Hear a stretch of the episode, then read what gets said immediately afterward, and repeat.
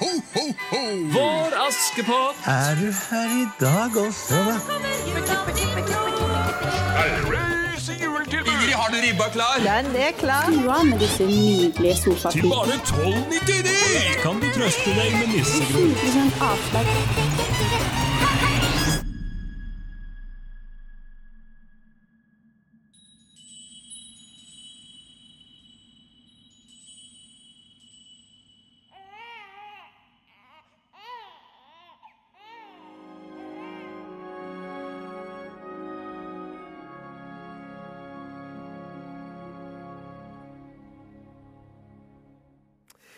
Og så over til det som eh, er dagens tema og denne adventstidas tema. Ingen jul uten. Og i dag så vil jeg altså si noe om det med lys og varme. Jeg vet For en del år siden så var den mest populære sangen i Norge som ikke var kristen, det var 'Mykje lys og mykje varme' av en kjent trønder. Den ble sunget litt overalt. Eh, og det er eh, helt klart noe som gjerne kan gå igjen, enten en tror på Gud eller ikke. Det med lys og varme, det har en et forhold til, og det, sånn er det bare. Eh, og så sier jo Bibelen masse om det temaet. Og det er et helt grunnleggende tema i hele Skriften og hele tilværelsen.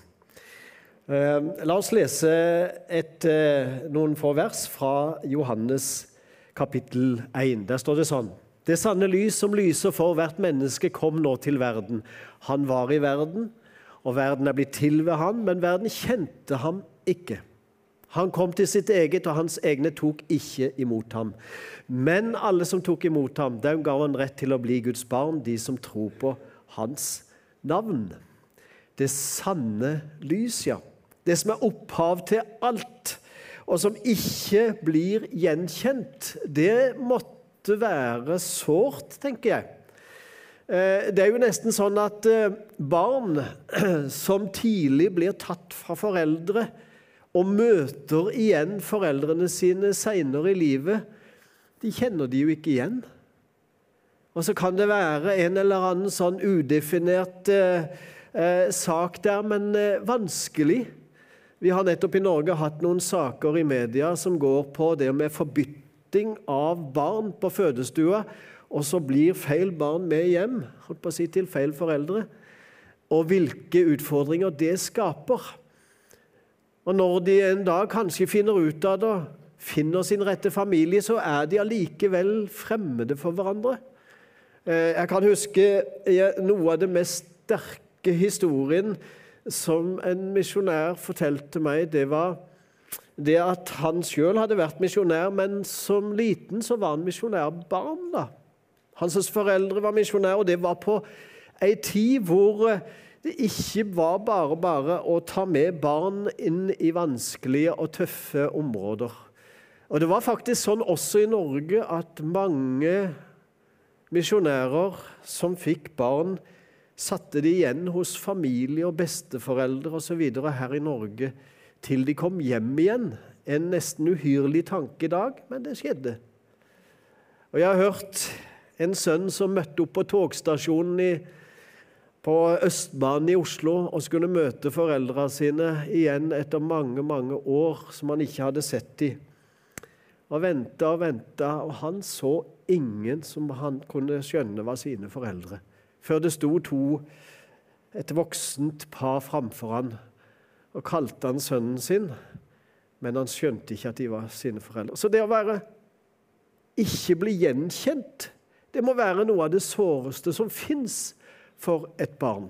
Å skulle oppleve det, og det er nesten ikke sånn kan tenke tanken. Det å bli avvist eller ikke gjenkjent, ja, det skjedde med, med Jesus, altså. Han som var opphavet til alt. Han som de helt intuitivt skulle ha en eller annen kontakt med. Han var det ingen som kjente igjen. Og Spørsmålet for oss blir jo fort kjenner vi lyset igjen? Kjenner vi Gud igjen? Kjenner vi Jesus igjen i vår hverdag? Eller er han fremmed? Hva var det med lyset, da? Eller hva er det med lyset? La oss se litt på det. Ja, vi er skapt til å leve i lyset. Vi er skapt til som mennesker å ha en viss varme rundt oss. Og har vi kulde rundt oss, så kler vi kulda ute og prøver å holde varmen inne. Og er det veldig varmt, så prøver vi også da å holde varmen ute, men vi trenger ikke klær eh, i så stor mengde etter hvert. Vet du det at eh, hvis sola slokker så vil det bli mørkt i løpet av åtte minutter, for det er det ca. lyset tar på vei fra sola til jorda. Og i løpet av en time så ville temperaturen falle til frysepunktet her på jorda. Altså, det skal ikke mer til. Én time uten sol, så er vi ned på null grader.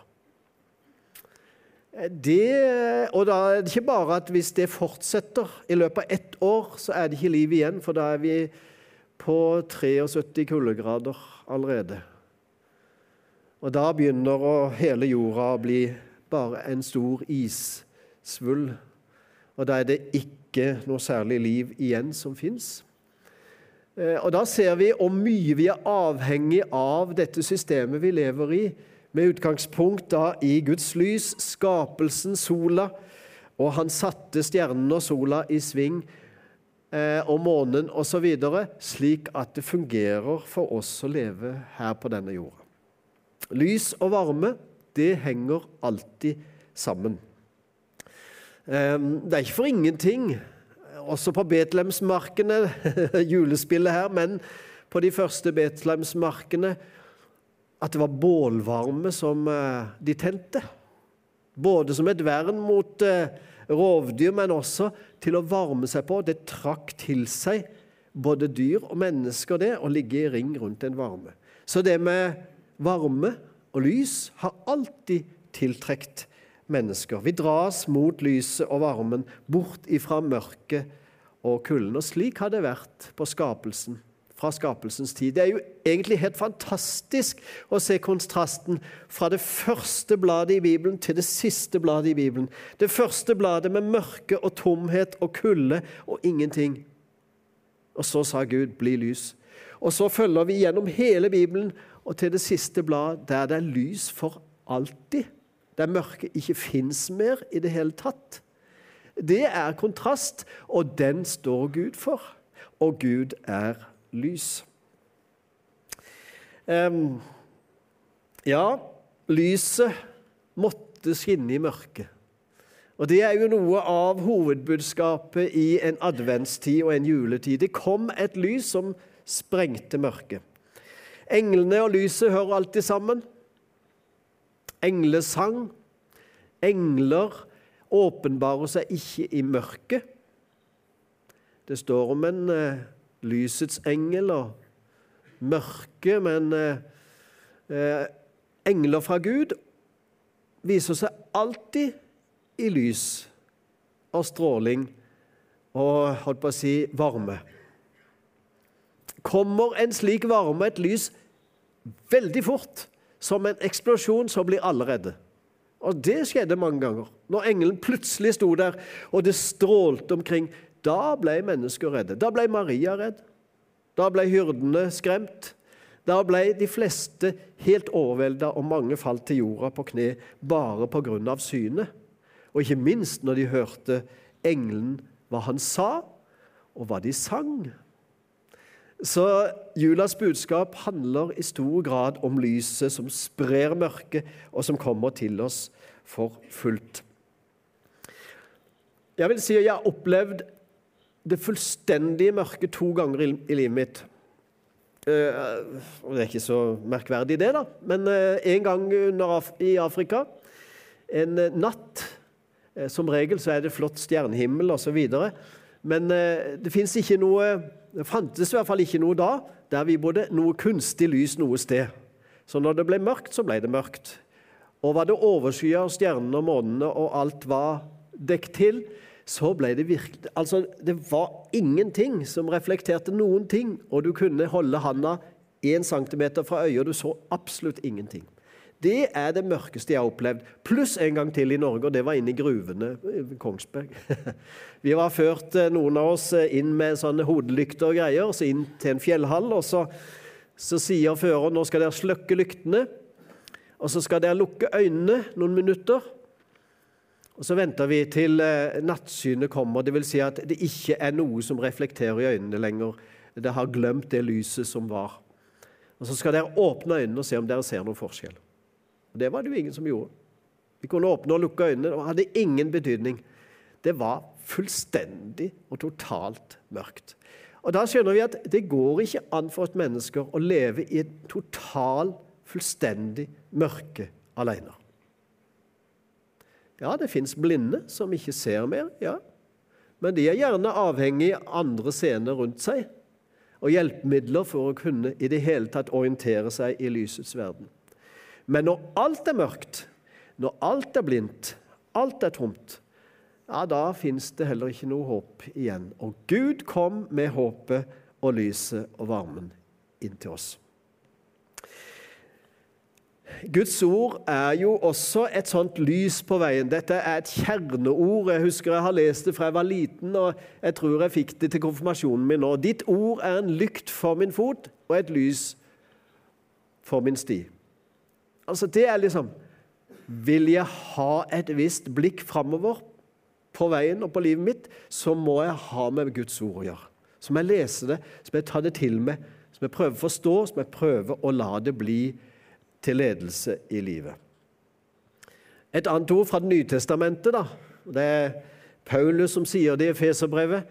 Må han gi dere, dere lys til hjertets øye, eller som det sto tidligere, hjertets øyes lys, så dere får innsikt i det håp han har kalt dere til, hvor rik og herlig hans arv er for de hellige, og hvor overveldende hans kraft er hos de som og hos oss som tror. Hjertets øye lys.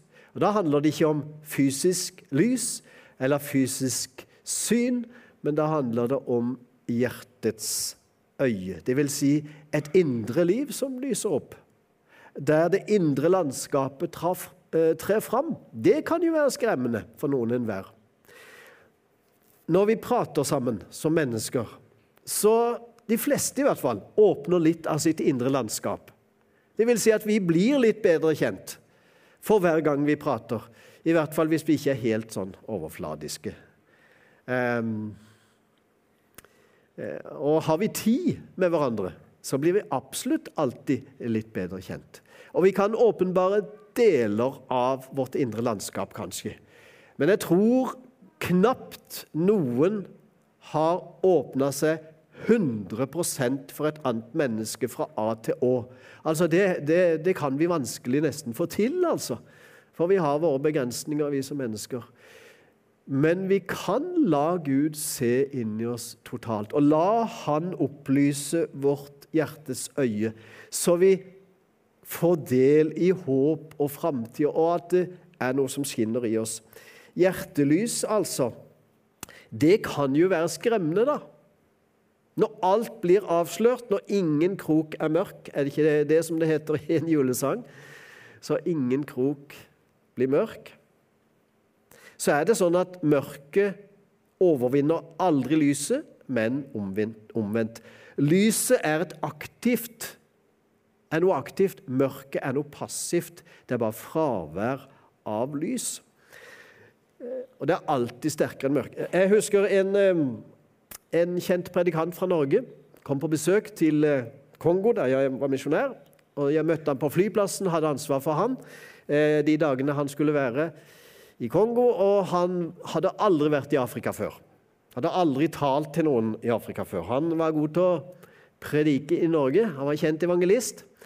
Men så spurte han Det første spørsmålet etter at vi hadde hilst på hverandre, så spurte han hva skal jeg si her? Hva, hva,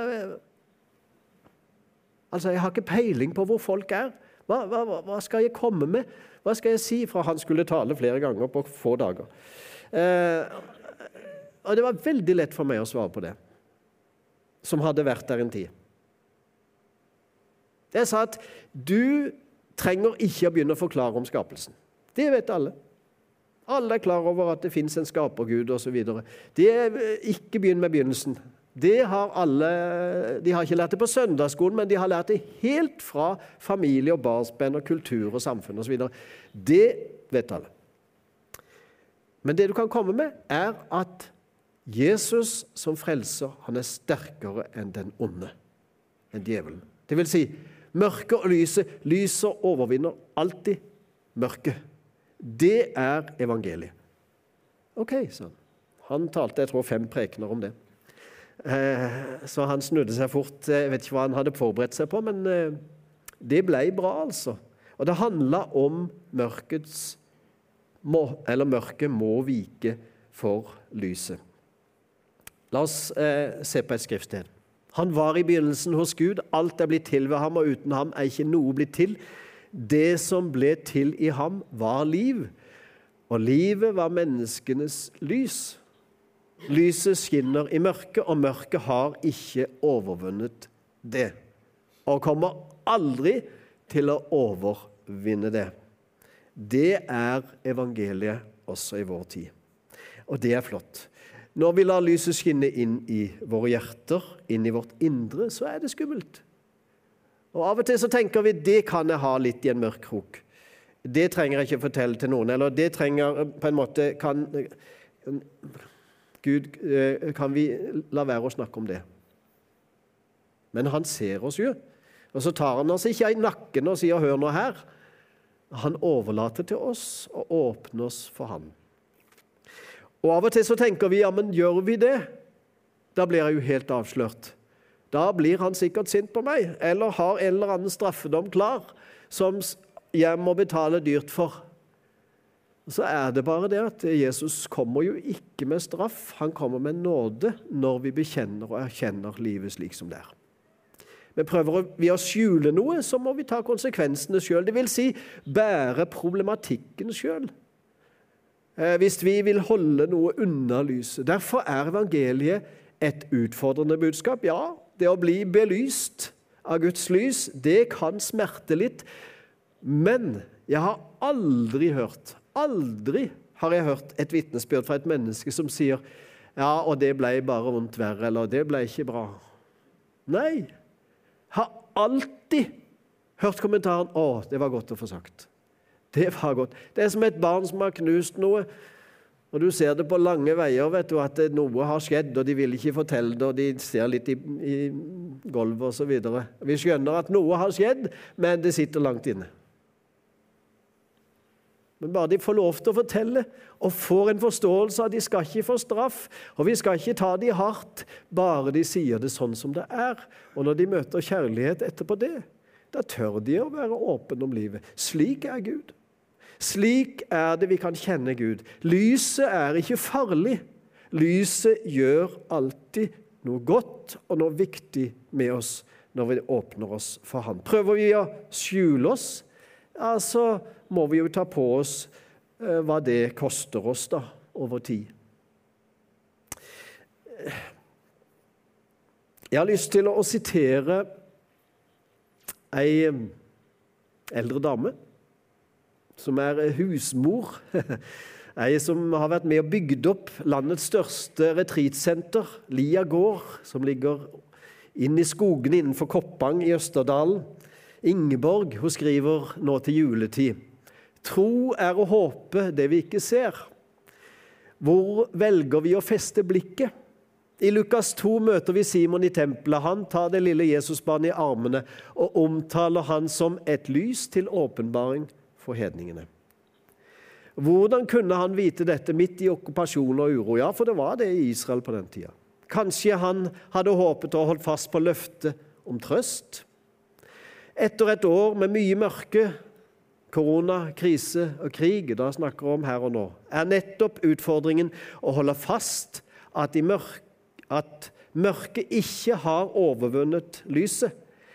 Det var valget eller det valget er vår trøst, vårt håp og vår tro, sier Ingeborg. Og ei flott dame som har som leder på retreat.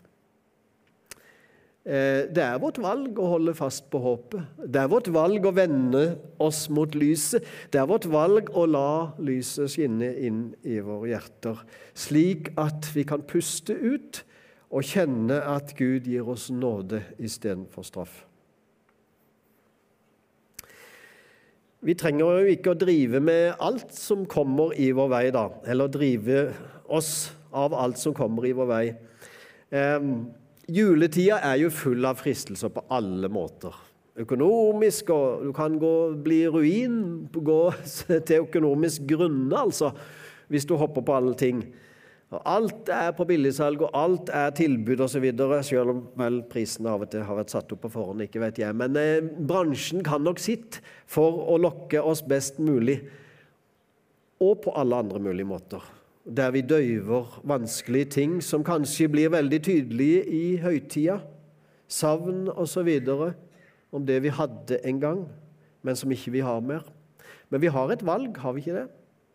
Vi har et valg og vende oss mot lyset. Og tre inn i det lyset som eh, Jesus er. Johannes, disippelen Johannes, skriver mye om lyset. Han skriver eh, dette her blant annet. Dersom vi vandrer i lyset slik han selv er i lyset, da har vi fellesskap med hverandre. Og blodet fra Jesus, hans sønn, renser oss for all synd. Det var Johannes' erfaring. Det skriver han som en gammel mann ute på øya Patmos. Og han har erfaringen med at å leve i lyset og fortsette å leve i lyset, det er det vandre betyr. Å vandre det er ikke sånn en liten gåtur. Det er å være i lyset over tid, slik han selv er i lyset. Da, sier Johannes, da er det minst to ting som skjer. For det første så har vi det godt med omgivelsene våre. Det vil si, vi har ikke noe å anklage noen for. Selv om vi blir, skulle bli eh, anklaget for noe. Vi kan legge ned våpnene våre, vi kan tilgi. Og ikke minst så får vi tilgivelse av Jesus sjøl. Han renser oss for all synd. Det må jo være det ultimate budskapet i jula, da. Å vandre i lyset som kommer mot oss. Lys og varme, det betaler vi dyrt for for tida, gjør vi ikke det? Både privat, ikke minst bedrifter, skoler, samlings... Ja, også denne kirka. Det koster skjorta og varme opp. Det gjør jo det, da. Og det vet alle, på en eller annen måte. Så lys og varme for tida, det er vi kan si det er dyrekjøpte ting. Men det er noe forbigående ting, da. For vi kan jo vente på våren og sommeren der vi ikke trenger å ha på varmen lenger, og der lyset er veldig mye sterkere. Men så, hva har det kosta Gud å sende lyset til oss? Hva kosta det Gud å sende det vi trengte, til oss? Og da kan vi begynne å regne.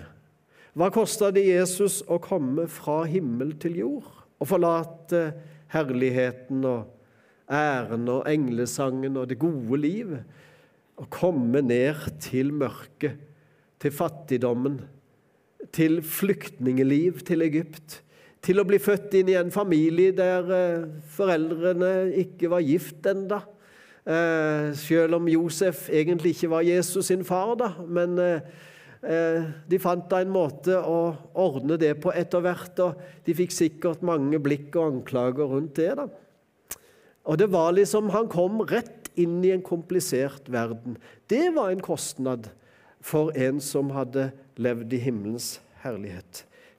Og hva betalte Gud som far da, da han lot sønnen sin dra? Og han forlot himmelen. Og det ultimate ordet Jeg skal ikke lese det her og nå, men nå på korset Jesus roper ut 'Min far, hvorfor har du forlatt meg?' Altså, Det var Jesu opplevelse. Altså et slags en eksistensiell opplevelse av at nå var Gud, som var Jesu far, så tett. Nå var til og med han på avstand. Hva har ikke det kosta Jesus? Og Så ga han sitt liv, men han sto opp igjen. Men det kosta mye Og det kosta alt også for himmelens Herre å komme til oss. Eh, vi har lite å klage på når lysregninga kommer. Det koster alt for Han. Jeg tenker at eh, jula kan vi ikke ha. Og jula kan knapt bli noen god opplevelse uten lys og varme, både rundt oss og i oss. Det ble gitt for din og min skyld at vi skulle få del i lyset. Jeg blir takknemlig for det, i hvert fall. Blir du takknemlig for det? Jeg velger lyset, for jeg vet at det er helt avgjørende for hele min framtid. Guds lys. Håper også det er ditt valg. Skal vi be. Herre Jesus, takk for lyset og livet. Og du kom med alle forutsetninger for at vi skulle ha det bra. Både mellom oss og med deg, og på denne jord. Og så har vi mennesker komplisert alt og rota det til på forskjellige plan, både rundt oss og i oss. Men så kommer du igjen, Herre, med lyset og livet. I juletida blir vi påminnet om det. Du kom som et barn midt inn i våre, vår hverdag. Og så kommer du med varmen på nytt igjen, med lyset på nytt igjen, med tilgivelsen på nytt igjen, og gir oss på ny framtid og håp. Hjelp oss til å holde fast på det og velge det, og aldri vike fra det livet ut. Herre, hjelp oss med det i Jesu navn. Amen.